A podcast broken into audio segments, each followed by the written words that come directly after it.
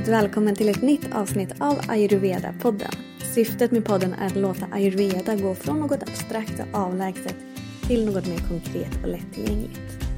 Och tillsammans med mina gäster undersöker vi hur ayurveda kan göra en skillnad för oss alla och vår hälsa.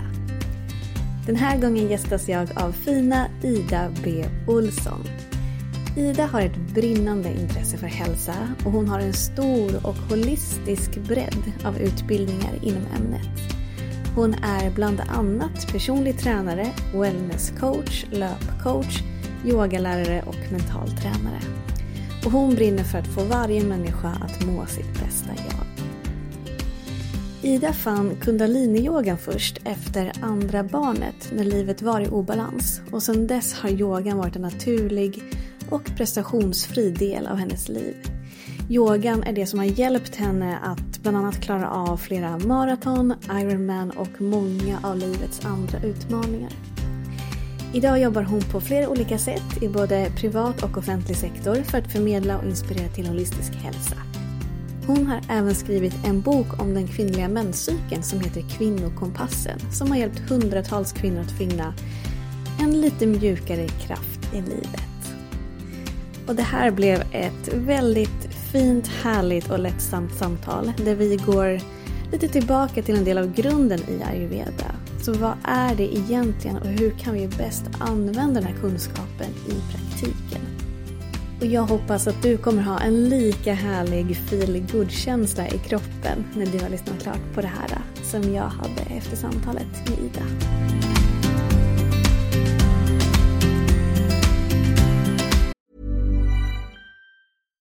Deserves the best, and there's no better place to shop for Mother's Day than Whole Foods Market. They're your destination for unbeatable savings, from premium gifts to show-stopping flowers and irresistible desserts. Start by saving 33% with Prime on all body care and candles. Then get a 15-stem bunch of tulips for just $9.99 each with Prime. Round out Mom's menu with festive rosé, irresistible berry chantilly cake, and more special treats. Come celebrate Mother's Day at Whole Foods Market.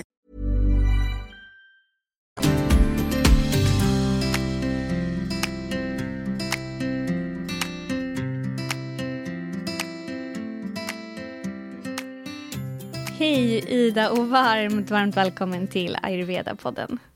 Tack snälla Johanna för att jag fick komma. Jag känner mig så ärad att få bli inbjuden till den här fina podden. Åh, vad fint. Jag känner mig ärad att ha dig här som gäst också, verkligen. Och jag tänker att säkert många av de som lyssnar på just det här avsnittet har eh, koll på dig sedan tidigare och följt dig länge och, och eh, vill gärna ta mer del av det som du delar med dig av i alla möjliga medier. Men för de som inte har koll på dig Ida, vad skulle du vilja vad skulle du vilja dela med dig av till dem för att presentera dig lite mer?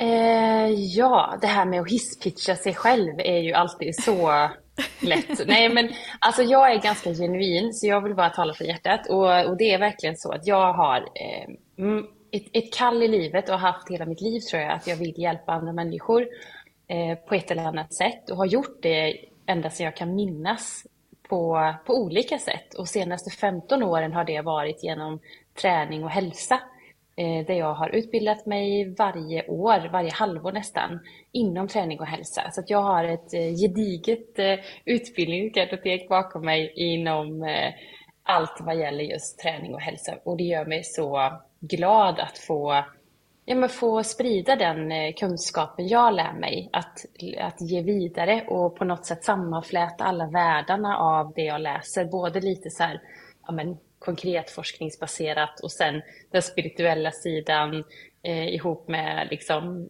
jag är löpcoach, jag är lifecoach, jag är yogalärare inom massa olika stilar, eh, jag är eh, eh PT, alltså all möjlig gruppträningsinstruktör, gyminstruktör, psykoträningsinstruktör och sen håller jag nu på att avsluta min utbildning som mental tränare. Så att eh, jag har liksom hela, hela spektrat, eh, vilket jag tycker är så intressant för att människan är eh, hela spektrat. Man är inte bara en biceps curls eller en yogaposition utan man är, man är allt. Så, så det jobbar jag med på heltid. Och emellan det, det så näst, försöker jag... Det, alltså det, det, är bara så, det är nästan så att man kan förstå att du har en passion för hälsa. Mm. Är det så? Ja. Alltså jag kan, ja. jag kan lätt gå igång på det. Det är verkligen... Ja men såklart. Nej, men det är bita ju... mig i tungan ibland. Ja men jag förstår det. Men det delar vi, det intresset. Och det bara, jag tycker det är så bara häftigt att bara höra någon som verkligen... För du har ju hittat din passion och går all in i det.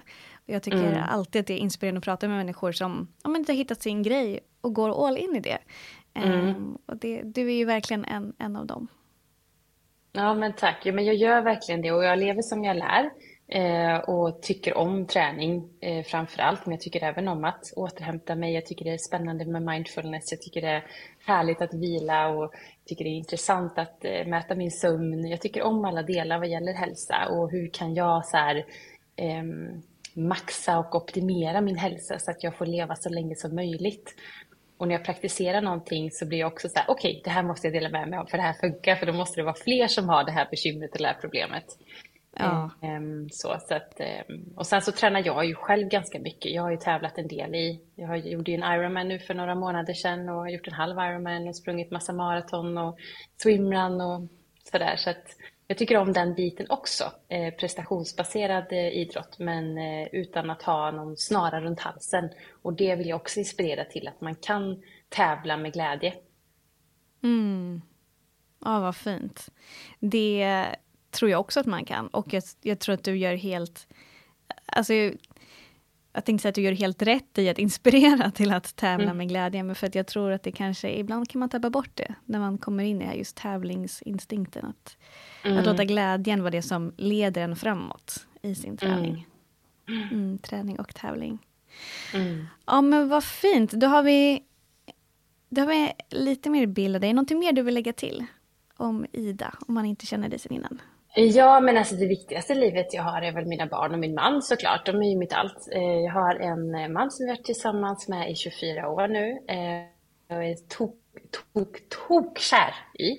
Och så har jag en son som är 12 snart och en dotter som är 15. Så jag har ett hus med tonåringar. Det är väldigt, väldigt ny fas i livet kan jag säga. Väldigt utmanande men också väldigt härligt att eh, få vara med om det här med uppväxt, precis som du nu sitter med liksom, små barn. Alltså det är så häftigt att få varit med från BB till nu och bara längtar efter framtiden med dem och se dem växa och bli individer och få lära dem, få inspirera dem, få liksom, utmanas med dem. Det är superhäftigt. Så det, det tycker jag väldigt mycket om. Och vi bor i Båstad nere i Skåne.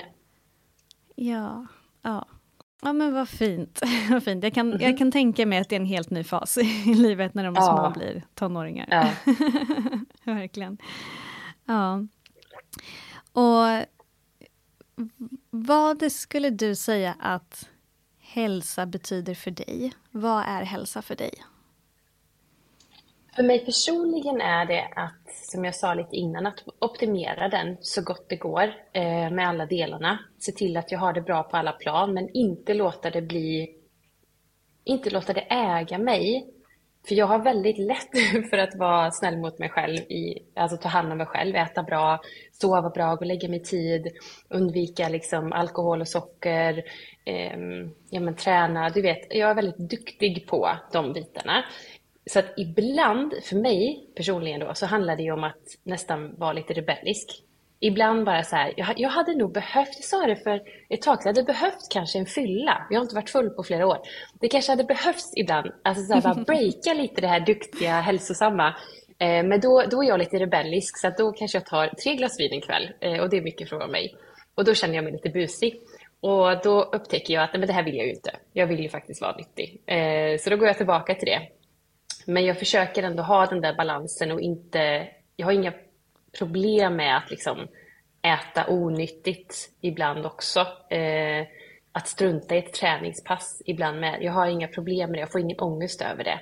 Och det är viktigt för att om den varnings... Eh, alltså du vet klockan är så här, den där kan jag inte äta eller nu måste jag träna och så undviker man något socialt roligt för att man måste träna det, där är jag inte. Eh, så det är jag glad för. Så att jag får liksom ändå, men jag tycker så mycket om att träna och att äta bra så att jag måste så påminna, Ida, nu får du faktiskt strunta i det där idag. Nu får du faktiskt vara lite mm. lat. Nu bara du struntar i det där passet och så käkar du en kanelbulle och så eh, pillar du naveln och sitter och tomglor på en stubbe. Och då gör jag det. För det, och det är också härligt. Eh, Ja, så det är för verkligen. mig. Men, men just alltså, på samhällsnivå så tror jag att det handlar om att sänka tröskeln till vad det är. Eh, och lägga verkligen bort piska, snara, måsten, borden. Och bara se så här, okej, vad behöver jag för att ta hand om mig själv? Och det är ju på individnivå då, fast samhällsnivån är ju liksom att jag tror de flesta gemene man behöver mer så här, okej, vad, vad skaver lite? Vart är det lite sämre? Är jag lite för stressad eller äter jag bara McDonalds eller äter jag alldeles för nyttigt? Var är jag eh, och vad behöver jag? Och då handlar det ju om att lyssna in till sig själv med olika praktiker som du vet. Så att jag tycker att eh, det är individuellt men handlar mycket om det där enkla i vardagen. Eh, det är inte det här att prestera och maxa, utan det är det enkla i vardagen. Fem minuter dagsljus, eh, gå och lägga sig i tid istället för att titta på Netflix varje kväll. Begränsa de dåliga sakerna, lägga till lite av de bra sakerna. Det är de små grejerna som är hälsa och som gör skillnad i det stora hela. Men jag tror att många idag söker efter någon quick fix eller bara den, okej den grejen, då, då, då slipper jag allt det andra. Medan jag tror att man ska förenkla hälsa, för det är enkelt. Det är det enkla som gör skillnad. Mm. Ja, jag bara kan skriva under på det också. Och det jag hör är att du säger att hälsa för dig och på samhällsnivå som sen går tillbaka till individnivå handlar ju om någon typ av balans. Ehm, eller att det handlar om balans. Att inte gå för liksom, hårt eller långt åt ett håll utan att hitta någonting där mittemellan och att den balansen får oss att, att må bra. Ehm, och också det här att det är de små grejerna som gör skillnad. Och det kan jag ju, jag ju verkligen bekräfta när det kommer till att praktisera ayurveda. För det är så många av mina eh, kunder och lyssnare och andra som hör av sig som eh, blivit inspirerade och började liksom med små grejer. Typ tungskrapa och dricka varmt vatten och bara upplever en skillnad. Och det tycker jag är så häftigt. Ehm, Och det är så fint när man börjar praktisera de här små, små grejerna och själv upplever vilken skillnad det gör. Ja, och, och börja där och så lita på processen att det kommer bli, det andra kommer nästan lite av sig självt. Eh, Men sen är det så att alla har ju inte, menar jag jobbar ju med det här och har möjlighet till alla de här eh, grejerna. Säg att du är ensamstående med tre barn eller du pendlar till jobbet vilket innebär att du är borta från hemmet tio timmar varje dag. Då är det inte lika lätt att göra alla delarna och då måste man också vara snäll mot sig själv och sänka kraven. Och då är det ju jättebra tips som du sa, så att dricka på morgonen och skrapa tungan. För det gör skillnad. Vilket kanske leder dig in i att lära känna dig själv ännu mer, vilket tar dig till nästa steg, till nästa steg, om det är det du önskar. Men du går dit sakta och långsiktigt hållbart istället för att så här, nej jag väntar, jag eh, dekar ner mig totalt, jag gör ingenting för jag kan inte göra någonting nu, jag tar det sen. Eh, det är det jag tror att, eller det är det jag vill förändra synen, att du måste inte göra allt utan någonting litet går alltid att hitta. Mm, verkligen. Ja, jag förespråkar det jag också. Eh, För Mm, ja, man, ska inte un, man ska inte underskatta de här små grejerna, att det, sagt, att det gör skillnad. Och så blir jag också nyfiken på, för du har ju gått många, många, många utbildningar inom hälsa. Eh, både liksom väldigt konkret fysiskt och nu också mental coach. Vad är det mental coach eller mental tränare? Mental tränare, så att jag är utbildad life coach eh, sen innan, men det var många år sedan. Gud, det var nog åtta år sedan jag utbildade mig till, till life coach. Ja. Eh, Så Ja. mental träning blir ytterligare en liten add-on till, till det.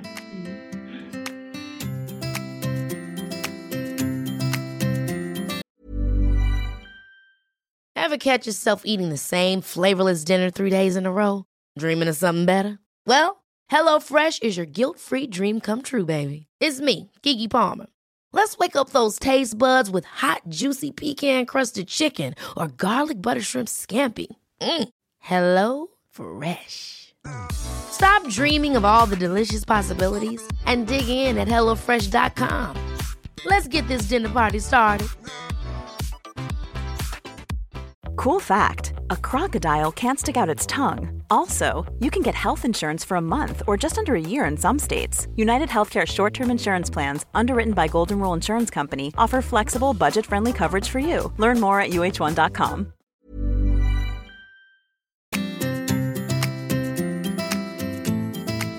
så har du gått flera utbildningar inom yoga också. Eh, och det här mm. är ju ayurveda-podden, men jag tror jag har sagt mm. det för det skulle lika gärna kunna heta yoga och ayurveda-podden, för att de ligger ju mm. så nära varandra och influerar varandra konstant. Och det är svårt att liksom dra dem från varandra, för att de är så integrerade. Och då mm. blir jag nyfiken på, vilka är några av de största insikterna som du kan komma ihåg att du har fått från några eller någon av de yogautbildningar du har gått?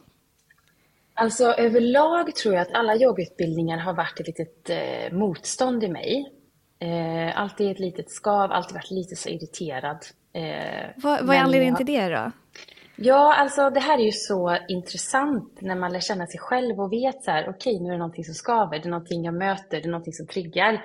Eh, och det är då jag blir nyfiken och vill upptäcka vad det är och varför och kunna ta mig igenom det.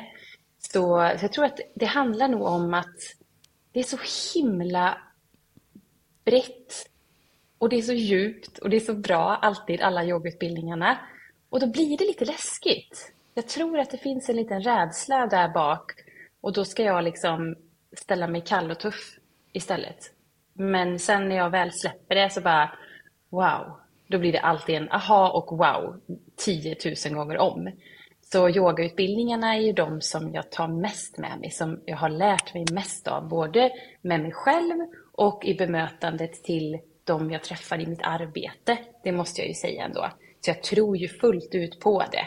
Det är inte så att jag misstror det någonstans, att det är humbug, utan wow, det är, det är kraftfulla saker man lär sig. Eh, och eh, ja, det, det, har varit eh, men att, ja, precis, alltid varit lite jobbigt. Men eh, jätteglad att jag har gjort det och eh, blivit ännu starkare, både fysiskt och eh, mentalt i det. Ja, men som att första jag gick med global yoga, Johanna Hector, så skulle man ju göra en sadana och praktisera den, ja, det var jag vet inte hur många dagar, 30 dagar tror jag, innan man började liksom Åh, jag tyckte det var så idiotiskt och jag ifrågasatte. Och vad gör jag nu liksom, så här 14 år senare? Varje dag nästan samma sadana varje morgon. Alltså varje morgon. Och jag kan typ inte leva, jag kan inte starta min dag utan den sadana. Men det var så jobbigt berätta... i stunden. Oh, Okej, okay, du får berätta mer om att det var jobbigt, men jag blir också så nyfiken mm. på den här sadana. Om, mm. För de som inte vet vad just ordet sadana, kan du förklara det och vad det ingår i din sadana? Ja, men det är väl en, dag, alltså en egen praktisering kan man säga. Och det är den som jag inte behöver tänka att jag gör. Den är inte förhandlingsbar, utan den finns där. Och sen kan jag korta ner den till så fem minuter och jag kan förlänga den till 35 minuter. Men det är min stund på mattan. Och då har jag viss ritual. Att jag så här, så att när jag vaknar på morgonen så dricker jag mitt vatten, jag gör min lymfyogamassage. Eh, jag, lägger, jag sätter mig på mattan innan jag liksom startar telefonen. Ja, jag, lägger, jag lägger upp en story och sen stänger jag ner telefonen. Liksom. Eh, och så är jag tacksam, bara, bara tänker tacksamma tankar. Hur jobbig natten än har varit, hur jäkligt den är, hur mycket motstånd jag kommer möta under dagen eller att jag är i en situation i livet där det är jobbigt, så är jag, där tillåter jag bara tacksamhet att få plats den stunden. Eh, och sen så gör jag då vissa rörelser, alltså yogapositioner ihop med mitt andetag. Och då är det först en sittande sekvens med lite twister, lite stretch och sen eh, fyrfota och jag avslutar då stående med kanske en solhälsning och lite waves. Så att jag, jag liksom, från, från att jag grundar mig ordentligt ganska länge till att jag liksom rise och sen så tar jag emot dagen och sen är jag klar. Och då eh, väcker jag barnen liksom, och tar, tar världen eh, med storm. Inte alltid, mm. men, men det är som min lilla trygghet, som min lilla snuttefilt, min egen praktisering. Och den hade jag ju inte haft om inte jag hade liksom nött in det där och förstått efter kanske 10-15 dagar att det här var ju faktiskt ganska härligt. Och det här mm. gör mig gott. Så, så jag är så tacksam för allt motstånd jag har mött i yogautbildningarna. För att det har gjort att jag Ja, jag har stärkts som människa, som individ. Jag vet inte om jag hade varit samma person utan alla yogautbildningarna faktiskt. Mm, nej. Nej, troligtvis inte. Alltså, allting vi är med om i livet influerar oss och påverkar oss på olika sätt. Absolut. Mm. Um, men minns, minns, du någon så här, för att jag själv är så himla nyfiken på Eh, alltså personlig utveckling är alltid intressant att prata om och jag tycker just alltså, den här yogiska, precis som du sa själv, att liksom det är yogautbildningen som kanske har gjort, kommit med typ mest transformation på något sätt. Mm. Um, så är det någon insikt du minns att du fått, så här, antingen om dig själv eller liksom om yogafilosofin, att så här, wow, det här är yoga eller det här är jag, utifrån de yogautbildningar du har gått? Ja, framför allt att i och med att jag har gått många, alltså global yoga började jag med och sen har jag gått vinyasa teacher training. Och det är väl min typ av praktisering. Jag tycker om det här, liksom, den delen av yoga som är lite rebellisk. Jag kan tycka att det är jättehärligt med bikram och ashtanga också, när jag inte behöver tänka och när jag bara får känna min kropp. Men jag tycker om det här att jag kan skapa precis vad jag vill. Nu har jag så mycket kunskap om yogans anatomi och jag kan göra om det till det jag tycker om att göra. Men just det, den här rörelsen känns bra ihop med det här. Och då blir mitt andetag friare. Eller här låser sig mitt andetag. Hur kan jag få den att bli mjuk, att mjukna där?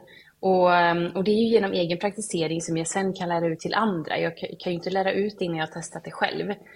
Så, så det skulle jag väl nog ändå säga är de största insikterna. Att när jag har tillräckligt med kunskap kring anatomin och filosofi naturligtvis, att jag kan skapa mitt egna flöde, mitt eget. Um, och det tycker jag om. Mm. Ja, det, det, jag förstår att det, att det passar dig. att du gillar det. Mm. Kunna skapa det egna där. Ja, vad fint. Hur stor del av ditt liv, liksom hur mycket plats har yoga i ditt liv idag skulle du säga? Yoga är som den här lilla vännen som finns där. Du vet den här eh, djupa relationen, man måste inte alltid höras. Men eh, man kan skicka ett sms då och då och sen när man väl ses så blir det helt fantastiskt. Mm. Och eh, jag, eh, jag har ju det varje dag på min egen matta och då är det runt en kvart. Det är väl det som är. Eh, försöker lägga in någon liten 5-10 minuters meditation på eftermiddagen om jag har tid och även yoga nidrar. Och i och med att jag jobbar, jag har skrivit en bok om den kvinnliga menscykeln. Som ja, jag har hört talas om den. Ja. ja. precis. Och då jobbar man ju med sin menscykel och speciellt då när jag är i, som jag benämner det, öster och söder, alltså veckan innan mens och under mensen, så är det extra noga med just vilan.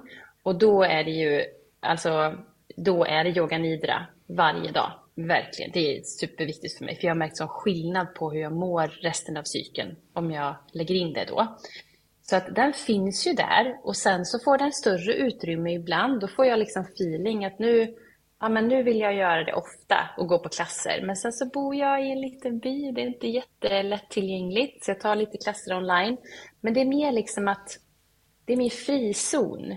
Så att det är inte den som tar, den som tar mest plats. När jag har en timma träning varje dag, då är det min triathlonträning. Och yogan blir liksom utöver det, när jag, får, när jag får feeling och jag kan komma in i perioder där jag yogar online och i studio kanske tre gånger i veckan. Och sen kommer jag in i perioder där det bara är min lilla kvart på morgonen. Och jag, jag låter det vara så. För det är verkligen det är noll prestation i yogan för mig. Jag spelade fotboll i 18 år. Jag håller som sagt på med triathlon. Jag är inte jättesmidig. Jag har inte yogan för att jag ska kunna visa upp mina cirkuskonster eller stå på händer eller göra massa armbalanser. Även om det kan vara kul så handlar yogan om någonting helt annat för mig. Jag tycker det är det är liksom så sekundärt med hur det ser ut. Det ska kännas i min kropp. Jag ska känna att jag behöver det. Så um, var det svar på din fråga, hoppas jag. Eh, ja, absolut ja, och när jag är utomlands så, när jag är ute och reser så är jag ju, och gud, då är det typ det enda jag gör, är att yogar. För då tycker jag det är så intressant med lite så här ny inspiration. Eh, att få gå på yogaklasser.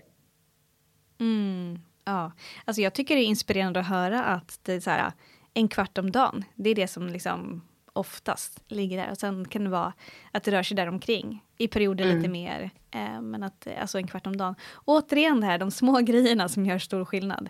Det behöver inte vara en timme vinyasa varje dag, utan en kvart om dagen, några enkla övningar på morgonen gör skillnad det också. Mm, verkligen. Mm, verkligen. Um, och jag tycker också, jag har hört dig prata här nu om den här balansen mellan träning och återhämtning. Och den tycker jag också att är värd att prata om mycket mer. För att jag tror ibland att den balansen, att många kan gå liksom mer åt träning, att det är det viktigaste. Och att återhämtning får liksom plats om man har tid, inom situationstecken. Mm. Att den är inte är lika viktig. Men jag hör på dig att du värderar dem ja, men typ lika mycket. Och du, berättar här också att du att yoga nidra är någonting som också är ja, men en del av din återhämtning och att du själv kan känna skillnad när du ger dig själv mer yoga nidra, särskilt i de liksom, faser under menscykeln när du känner att du behöver det. Du behöver det lite mer. Mm. Jag tycker bara att det är fint att, att höra dig som är liksom, ja, men ändå tränar på så hög nivå som du faktiskt gör. Att du också värderar återhämtning. Men är man på den nivån du är, då kanske alla värderar återhämtning lika mycket. För det kanske är svårt att träna på den nivån om man inte har återhämtning. Nej, alltså jag tror faktiskt ändå inte det. För jag tror att det är därför många går sönder. Eh, ta i trä, mm. så är jag ju helt skadefri. Jag har inga krämpor någonstans. Jag har inte ont någonstans. Jag har en gammal fotledsdukning som jag gjorde när jag var 14 i fotbollen som spökar ibland. Men, men annars så har jag inte ont och det är mitt mål. Jag vill kunna vara helt skadefri. Och där kommer ju yogan också in väldigt fint i och med att, i och att jag yogar så, så är det väldigt, det är väldigt fördelaktigt när man håller på med triathlon. Eh, men har jag inte tid för återhämtning, då tränar jag inte. Oh, så jag, bra. jag liksom vänder lite på det så här, okej okay, nu har jag tid för återhämtning, då kan jag lägga på träning. Men jag skulle inte göra tvärtom, att jag skulle säga, ja men då kan jag träna två pass den här dagen eh, och sen har jag ingen tid för återhämtning så har jag superstressigt schema. För då vet jag att det är, nej, då mår inte jag bra och då kommer jag gå sönder. Eller så kommer jag börja sova dåligt eller så ja, mm. någonting annat händer för kroppen är ingen maskin liksom. Den, den mm. behöver det. Den behöver det så otroligt mycket. Träning bryter mm. ner. Det är mat och vila och sömn som gör att vi bygger upp oss igen. Och det är mm. klart att om du inte får de bitarna, då kommer den bara bryta ner, bryta ner, bryta ner. Det går ett tag och det går när man är ung. Men jag då, som har passerat 40, så inser jag det att det är ännu viktigare ju äldre vi blir. För återhämtningen tar mycket längre tid. Och vill jag fortsätta ligga på den nivån med träning så behöver jag ännu mer återhämtning. Så jag har gått in med ännu mer återhämtning sen jag fyllde 40. För att jag märker mm. att jag behöver det. Ja, vad, vad fint. Och vad, vilken typ av, förutom yoga nidra, har du några andra så här, det här är min så här, favoritåterhämtning? Alltså jag gillar ju kallbad det blir ju mer lite så kick, alltså så här, men det är en bra återhämtning muskulärt. Jag känner att jag mår väldigt bra i återhämtning i musklerna av kallbad. Eh, sen så tycker jag väldigt mycket om att läsa. Och det är för mig så här, att gå in i bokens värld. Lägga bort telefonen och skärmar och sitta i en gosig fåtölj med en kopp te och läsa. Det tycker jag är härligt. Eh, gå på stranden. Alltså, oh my god. Gå på stranden och verkligen känna. Precis innan vi Eh, skulle köra igång här så hade jag sett tio minuter över. Okej, ska jag sätta mig och kolla mejlen? Så bara, nej, jag vill gå och känna hur havet doftar idag och vilken färg det har. Och det har nästan blivit som ett kall också. Att vad har havet för färg? För det skiftar ju färg varje dag. Och bara ha det, att kunna se det. Att så här, gå ner och titta vad havet har för färg och hur det doftar. Det är för mig, alltså jag får sån eh, rush i hela kroppen när jag, när jag gör det. Eh, så bara sitta där nere, titta på vågorna eller bara gå längs stranden och dofta, lyssna, känna. Lite sån mindfulness-promenad. Det tycker jag är jättehärligt. Mm. Alltså jag bara ler när du berättar det, för att jag har också sån stark eh, dragningskraft till havet. Jag bara älskar ah. havet. Och uh, gud vad lyxigt att du bor så nära havet, att du bara kan gå ner på, ja du har tio minuter över att kunna gå ner Ah, nej, men alltså det, ja, och det har jag inte alltid haft. Det, vi har ju bara bott här i det är sjätte året nu. Så jag drömde ju hela mitt liv innan om det. Alltså varje dag. Mm. Det var verkligen mitt största manifest att jag vill bo vid havet. Och till ja. slut så blev det verklighet. Så att, mm, ja, jag är så tacksam. Magiskt. magiskt.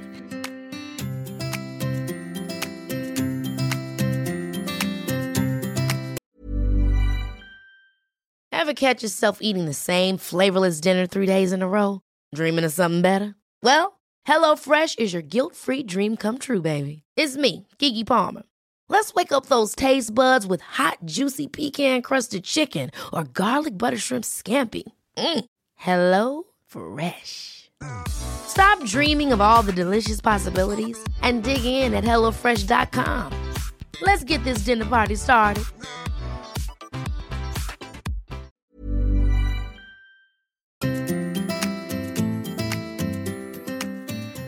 Om vi ska komma in lite mer på ayurveda då. Vad, vad skulle du säga att, vad har du för relation till ayurveda? Alltså, jag har tänkt på det när jag lyssnat på din podd. Eh, jag tycker det är väldigt intressant och det stämmer ju väldigt väl med det holistiska sättet att se på, ja, men på människan.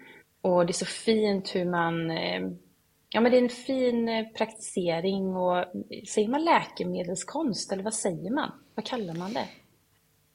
Ja du, jag tycker också så här, hitta Alltså ett ord som definierar vad ayurveda är, det är svårt för det är så stort. Men vissa säger läkemedelskonst eller livsstilsfilosofi eller... Ja. ja. Men läkemedelskonst ja. kan man absolut säga. Ja, ja, men det, ja, det är så jag tänker. Så jag, är ju ja. väldigt, jag tycker om den österländska filosofin överlag. Eh, jag har en, en homeopat och österländsk medicin som jag går till var sjätte vecka.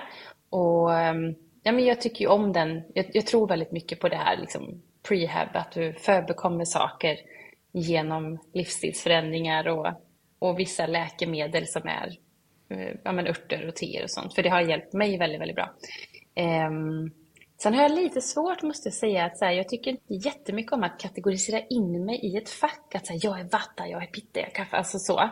Det har jag lite svårt för. Så att jag hade önskat att man kunde så här, göra en liten cocktail av ayurvedan. För att jag kan ju känna igen mig, kanske inte är så mycket kaffe, men jag är väldigt mycket vata och pitta. Och, och jag kan liksom, åh, behöver jag vara en av dem? Eller kan jag inte vara lite av allt? Eller, så lite så, jag kan vara lite rädd för det ibland. Att det blir så otroligt hårt och kategoriserat. Förstår du vad jag tänker då? Jag förstår absolut vad du tänker och jag är så glad att du tar upp det. Alltså just ja. på, på det här sättet här i ayurveda-podden. För att jag tror att mångas eh, kanske ingång när man först börjar nosa på ayurveda och kommer i kontakt med det, att det kan kännas lite, som du säger, lite hårt och kanske lite fyrkantigt. Att, att man, återigen inom situationstecken, ska hitta sin profil. Eh, mm. Och liksom sin ayurveda, ja, grundkonstitution och sin ayurveda-roll.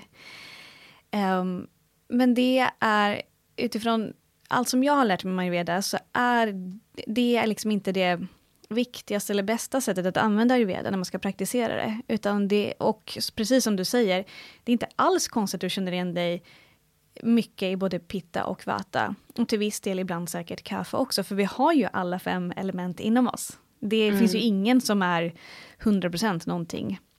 Alltså 100% vata, pitta eller kaffe, utan vi har ju alla fem element inom oss. Det vill säga alla mm Eh, de här fem elementen är det som är grunden till de här tre doscherna, mm. vata, pitta, kaffa. Mm. Eh, så eh, det är klart vi känner igen oss i alla och ibland kanske man kan känna sig lite förvirrad i det, för att man känner igen sig kanske lika mycket i två doscher.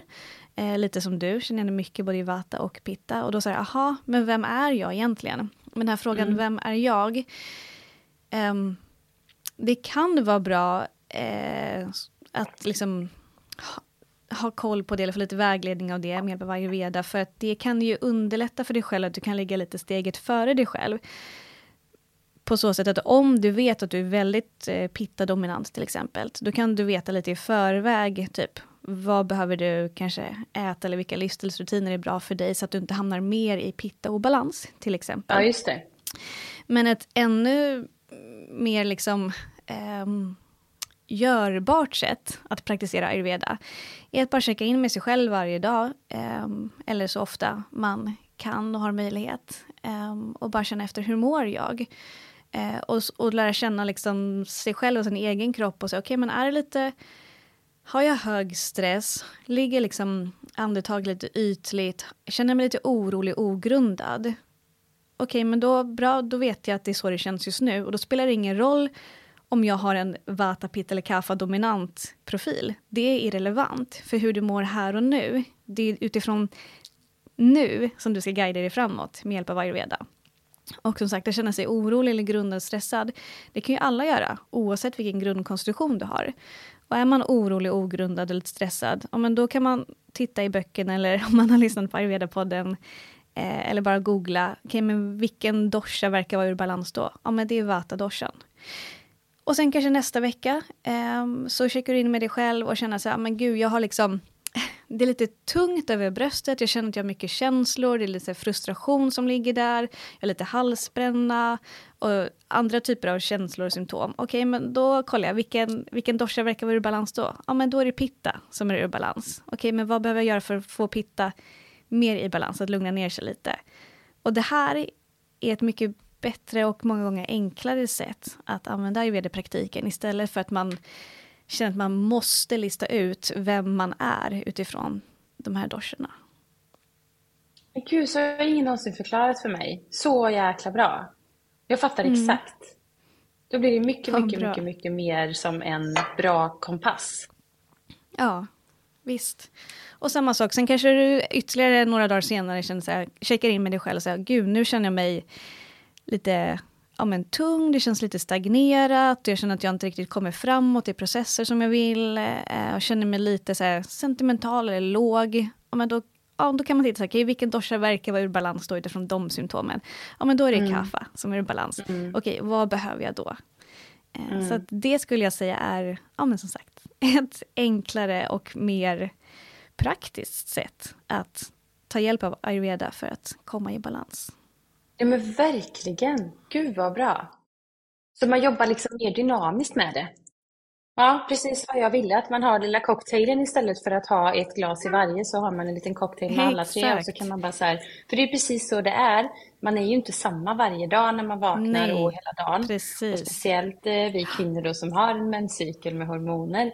Så, och även om vi inte har det så är man påverkad av det som händer runt omkring. Det påverkar mm. inuti och att man kan välja på det här sättet då och vara så okej. Okay, för det kan jag känna ibland så här, vad, vad är egentligen bäst då när jag känner de här känslorna? Ska jag, och hade jag då vetat så här, ja, men du ska äta, nu ska du fokusera på varm mat och, och äta varmt. Eh, eller så här, ja men okej, då behöver du ditt kallbad, du, behöver, du kanske behöver äta mer syrade grönsaker, eh, dricka lite mer kallt vatten med mynta, alltså till exempel. Det hade ju varit jättebra sätt att så här, jobba med kroppen. Blir det mm. ju då. Och det är det som är så intressant, att man kan jobba med kroppen för att Visst. optimera sin egen hälsa. Ja. Men verkligen, och det är precis som du säger, alltså kroppen, alltså vi, du och jag, alla som lyssnar, vi är ju dynamiska. Mm. Vi är inte samma, exakt samma hela tiden. Och som du också sa, allting påverkar. Det säger man också mm. inom ayurveda. Det är ett typ av mantra inom ayurveda. Allting påverkar. Eh, mm. Så att, eh, att checka in med sig själv och därifrån vägleda sig med hjälp av ayurveda är ett jättefint sätt att verkligen ta tillvara på, på de här praktikerna som mm. finns. Oh, wow, ja det var intressant. Men jag känner så här, då behöver man ju kanske nästan ha en sån som dig. Eller kan ja. man göra detta själv? Det, alltså, det är väldigt svårt, för det är ju så stor värld, tänker jag, att ja. grotta in sig i. Man kan inte googla varje gång och liksom killgissa lite, utan man skulle ja, vilja ha någon så här... Ja, någon, eh, någon liten ayurveda-guru man alltid kan vända sig till. Mm. Ja, men som en PT. ja. Alltså, du har en PT för ja, att eh, eh, guida dig i vad du ska träna och du ja. har en kostrådgivare eller dietist som hjälper dig i det. Mm. Men du, mm. man jobbar inte så när man är ayurveda? Um, ja, alltså inte, kanske inte direkt. Jag skulle säga inte som PT direkt, men eh, alltså den, jag tror verkligen på att det typ skulle behövas på ett sätt. Men jag tänker också att, återigen som vi också började med inledningsvis, att liksom ta ett steg i taget och liksom lära känna dig själv och din hälsa, vad du behöver och lära känna ayurveda liksom, allt eftersom. Och mm. förvänta dig inte att du ska kunna allting på en gång. Och jag tycker ändå att det är en, kan vara en ganska bra utgångspunkt att typ googla lite, men, eller köpa mm. hem böcker som man tycker känns bra. Jag tror också att lyssnar man mycket på ayurveda-podden, tror jag också att man ganska snart kan liksom lära känna doshorna på ett sätt och utifrån det lära känna sig själv. Mm. Men sen också att, alltså jag tror det finns så många människor på den här jorden, jag tror att du också Ida gör det och har gjort det mycket, liksom på ett sätt praktisera ayurveda utan att använda dem, eh, den terminologin. Eh, utan att mm. använda de orden. För men om du checkar in med dig själv och känner dig lite orolig, stressad och ogrundad, ja men då kanske du ger dig själv en yoga nidra, eller hur? Mm. Det skulle kännas ganska yeah. logiskt för dig. Yeah. Och yoga yeah. nidra är ju en praktik som verkligen balanserar vata, till mm. exempel. Mm. Eh, eller om du känner dig lite stagnerad och tung, ja men då kanske du gör lite extra lymfmassage eller din lymfpraktik och går ut och springer för att få in mer lätthet, liksom för att komma ifrån mm. det som, känns, som känns eh, stagnerat. Så mm. det är ju, jag faktiskt tänkte på det här i, igår, alltså varenda människa som lever på den här planeten, varenda djur och växt egentligen, man kommer liksom inte ifrån ayurveda. För ayurveda är också, det är liksom det är lika självklart som tyngdlagen. Alltså, det är nat- mm. alltså ayurveda är ett gäng naturlagar som bara finns runt omkring oss och influerar oss. Och många gånger så, jag vet att människor runt om på jorden på ett sätt praktisera ayurveda eh, utan att känna till begreppet för att bara du checkar in med dig själv och känner efter, men vad, vad tror jag att jag behöver nu? Så tar man hand om doshorna på ett sätt. Jo, men det är ju det där också att jag fattar vad du säger att alla har det, men jag tror inte att alla riktigt fattar att man behöver checka in med sig själv. Jag tror där är Nej. nog så här. Mm. Sen, sen, kan jag bli lite rädd ibland. Åh oh, gud, det blir så otroligt individualiserat samhälle, me, myself and I. Men jag tror att ju mer man känner sig själv och checkar in med sig själv, desto mindre ego blir man. För att då känner man så här, okej, okay, jag behöver det här. Man ger sig själv det. Då har jag utrymmet att ge ännu mer kärlek och ljus till andra. Absolut. Vill jag se det på. Eh, för att det är så lätt att man pratar om det här att man bara ska tänka på sig själv och så här, känna in dig själv och ta hand om dig själv. Ja, men jag, av egen erfarenhet så vet jag att om jag mår bra, då, då sprider jag ju så mycket mer glädje och kärlek och då, mår jag ju, då vill jag ge till alla. Jag vill ju smitta alla med det. Så det handlar inte mm. om att jag ska bara behålla det för mig själv och bara ta allt, utan men jag tror att många saknar det att, att checka in, att känna in inte lyssna på när kroppen viskar någonting. Eh, utan när den skriker, då lyssnar vi. Liksom. Då, då gör vi någonting mm. åt saken.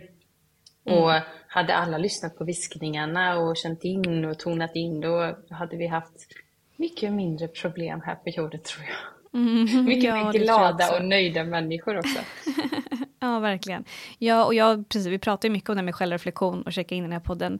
Men jag hör mm. vad du säger. Jag hade också Ulrika Norberg här som gästade för några avsnitt sedan. Hon sa också det att såhär, det är inte lätt för alla att checka in och lyssna efter Nej. kroppens språk. För som du säger, de här, till en början så är det ju subtila signaler. Det är liksom ett subtilt språk som kroppen har. Mm. Eh, och det är inte alltid lätt att höra det, utan det är först när kroppen kanske skriker som man stannar upp och bara okej, okay, nu är det någonting som är knas här.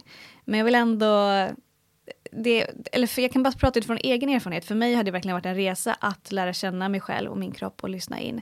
Eh, och det har tagit liksom, ja, några år tills, från att jag började tills där jag är idag. Jag idag mm. tycker att jag har nära kontakt med mig, men det var ju inte lätt från början, utan det är verkligen någonting som jag har tränat upp. Och sen också det, precis som du säger, um, Alltså ju bättre jag mår, desto mer energi har jag att ge till andra i min närhet. Mm.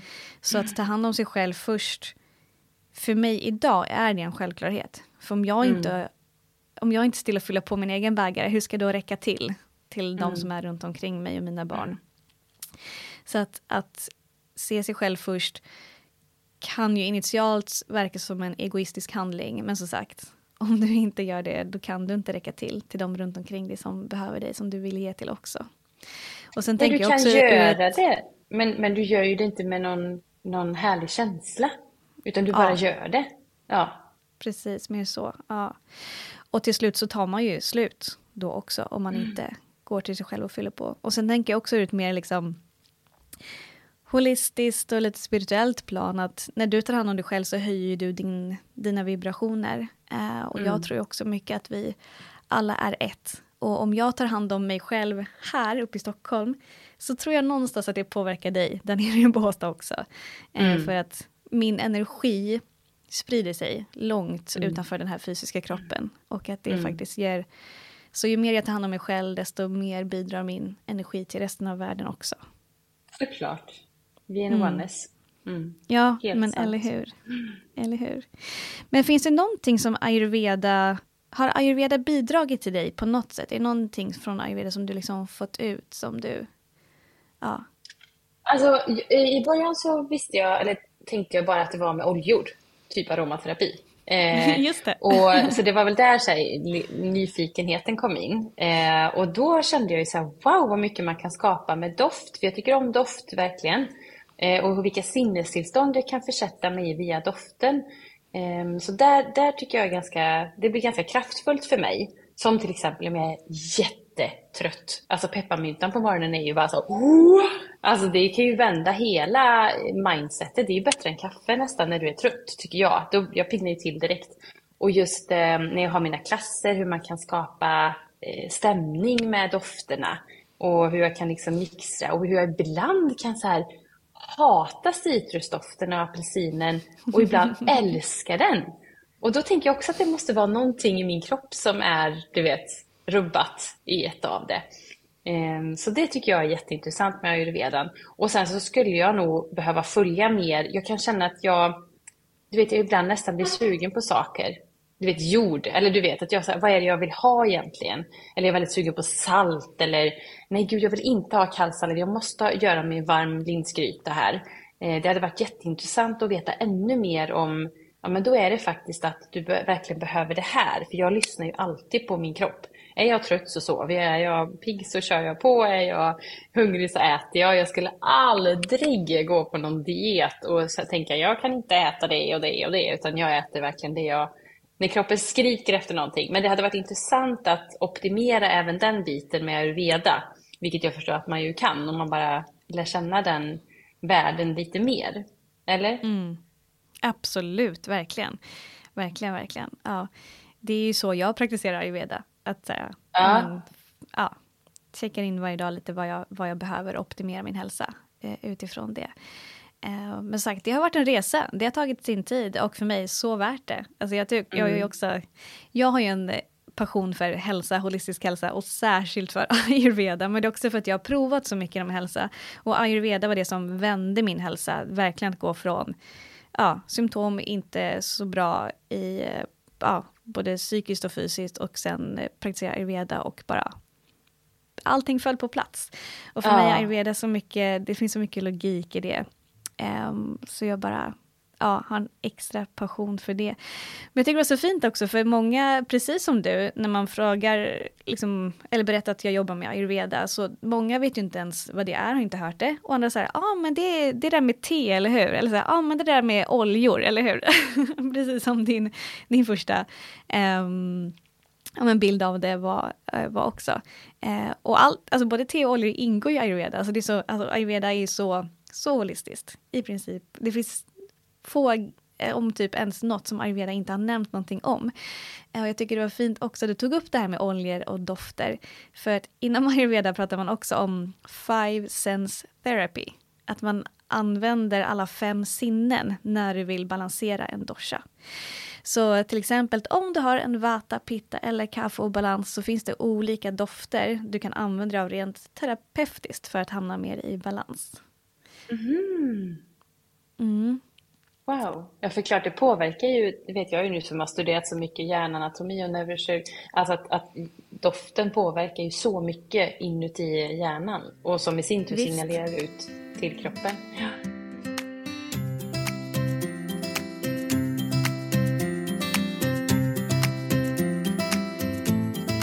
Men jag kan tänka mig också att ayurveda skulle vara väldigt bra, för det är så många kvinnor, framförallt unga tjejer, som har problem med IBS. Och det mm. tror jag kan vara en nyckel. För jag, jag har själv haft problem med IBS, blivit mycket, mycket bättre, men jag kan ha det emellanåt. Och där känner jag så men gud vad har jag gjort nu då? Varför, varför, är liksom, varför fick jag den här uppblåsta magen just nu? Vad har jag ätit som är, eller vad har jag gjort? Och då kan jag tänka mig att eh, ayurveda skulle vara en jättebra hjälp. Alltså jag har ju läkt min IBS med hjälp av mm. ayurveda. Ja, jag hade jätteilla IBS eh, från att jag var 20 till 25 kanske. Um, och mm. läkarna sa ju till mig att uh, du får bara lära dig leva med det här. För så här kommer du ha det nu. Um, och sen var det ju först när jag kom i kontakt med uh, ayurveda som, uh, som ja, det blev ganska snabbt bättre. Um, och det var också det som gjorde att jag kände att men jag fick mer smak och ville bara fortsätta praktisera. Mm. Och nu har jag mm. inga problem med mage längre. Och att det är verkligen för mig som dag och natt. Verkligen. Mm. Och det vill jag också säga till, dels till dig Ida och andra som lyssnar som kanske har problem med IBS. Alltså ayurveda, det finns så mycket kunskap här som verkligen kan läka magen. Uh, och jag vill bara mm. passa på att tipsa om ett om många av våra poddavsnitt som vi haft, och det är poddavsnitt nummer 58, eh, där jag och Leon pratar om någonting som kallas för incompatible foods. Det här mm. tycker jag också är, det här är så spännande eh, och kunskap som jag bara har sett i ayurveda och ingen annanstans. För mm. inom ayurveda så har man också insett att vissa livsmedel funkar jättebra att kombinera med varandra och andra är bättre att särskilja åt. För att magen bearbetar vissa livsmedel på väldigt olika sätt. Och om man då kombinerar två livsmedel som är incompatible, alltså inkompatibla som inte funkar. Om mm. man äter dem i samma måltid så blir det svårare för magen att bearbeta det. Mm. Det i sin tur är en stor anledning till IBS, bland annat. Och bara för att nämna, alltså, jag vill varmt rekommendera dig Ida och andra som har IBS att lyssna på just det avsnittet, nummer 58. Mm. Kan det till exempel vara så här, eh, linfrö ihop med morot kan orsaka, eller vad då? Att det är två... Ja, till exempel. Ja, ja. ja okay. eh, ett annat exempel är ägg och ost. Ägg och ost ja. tillsammans är svårt att bearbeta. Och det är mm. jättevanligt mm. till typ frukost. Man eh, äter ostmacka och har kokt ägg till exempel. Mm. Mm. Osten är ju många som har problem med. Ost. Mm. Alltså jag har mm. varit som ostjunkie. Så att det är sinnessjukt. Alltså jag älskar ost. Och sen när jag var hos min homeopat eh, för något år sedan, ja, nej kanske ett och ett halvt år sedan, då sa han det. Äter du mycket ost? Eh, mm. ja, det ska gudarna veta. Jag älskar ost. Jag älskar sälta, jag älskar ost. Ja, det får inte äta ost. Jag bara, nej. Och så jag tog bort det så var det som att eh, då läkte tarmarna ordentligt. Eh, så ja. osten är väldigt, väldigt lurig. Eh, ja, och visst. klart ihop med ägg. Ja, bra, fortsätt. Mjölk, sa du? Eh, ja, mjölk generellt är, ska man helst ta typ solo. Ehm, för det och mjölk ska du alltid äta upp, den ska koka och vara uppvärmd, så aldrig liksom kall råmjölk. Eh, för det är också svårt att kombinera med mycket annat. Och särskilt svårt med mjölk, eh, som mejeriprodukter överlag och frukt. Det blir jättekrock i magen. Så typ fruktsallad med grädde eller glass, det funkar inte. Det är jättesvårt att bryta ner. Mm. Eller smoothie där du har mjölk och banan som bas, mm. det vill vi också hoppa över. Och en annan grej är så här, frukt generellt i kombination med mat. ska vi också undvika. Bättre att äta frukt mm. för sig. Eh, det är också jättevanligt att man, ja, man har lite frukt till frukosten eller äter en frukt direkt efter lunchen som en efterrätt. Men det är också, magen bearbetar frukt ganska snabbt jämfört med annan mat.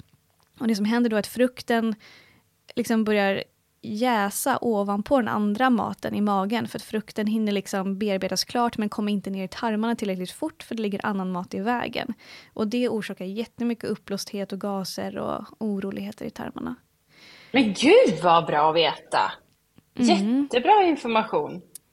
Så det här var, när jag började praktisera det här mer och mer, det var en game changer för mig och min mage. Mm. Verkligen. Så det Gud, finns, ja, det finns mycket inom ayurveda som kan hjälpa er med IBS. Um, ehm, jag tycker det är jätte, alltså jag skulle kunna prata om det är märkligt att jag inte haft något avsnitt om IBS än, men det kommer. det kommer mm. absolut, för det finns så mycket där att nämna. I det att, alltså, tiden bara rinner iväg känner jag. Um, och jag undrar om det är...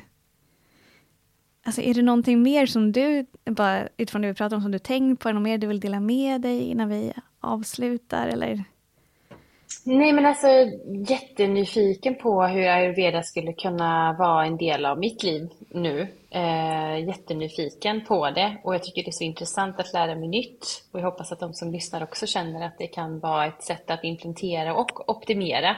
Men att det inte får bli liksom stressigt att göra det utan allting Allting med min hälsa gör jag för att optimera men också för att det ska, vara, det ska gå lätt och smidigt i vardagen. Det ska inte vara någon, någonting som känns ångestladdat. Så ehm, nej, supernöjd med vad jag har lärt mig av dig Johanna. Det är verkligen superbra allting. Ja, det är bara att höra av dig till mig igen Ida när du har frågor. ja, verkligen. jättespännande. Jättespännande. Men ja. alltså verkligen, jag tror ju på en business i att vara ayurvedisk eh, PT. Alltså verkligen. Mm. Precis som jag har mina så mentala tränare, alltså coachklienter och alla människor man jobbar med. För det tror jag man skulle behöva ha i början, någon att hålla lite handen så här. Kunna mm. ringa, smsa. Nu känns det så här, vad ska jag göra då? För att lära sig liksom.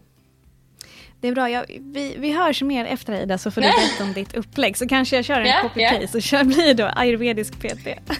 Absolut, det är det nya. Ja. Jag tror det är helt klart det nya. Ja, mm. vad fint. Så lägger jag till det. Så här, kommer inom kort kan jag säga i mina tjänster. Mm. Mm. Så bra, briljant, briljant. Ja. Nej, men tack snälla för att jag fick vara med. Det var verkligen jätteintressant att få lära sig lite själv också. Det är jätteroligt mm. att man får en dialog och får lära sig saker som man eh, är nyfiken på. Mm, vad fint. Jättefint samtal, jättefint att möta dig Ida. Så... Ha det så gott. Ja, ha det så gott. Kram, hej. Hej.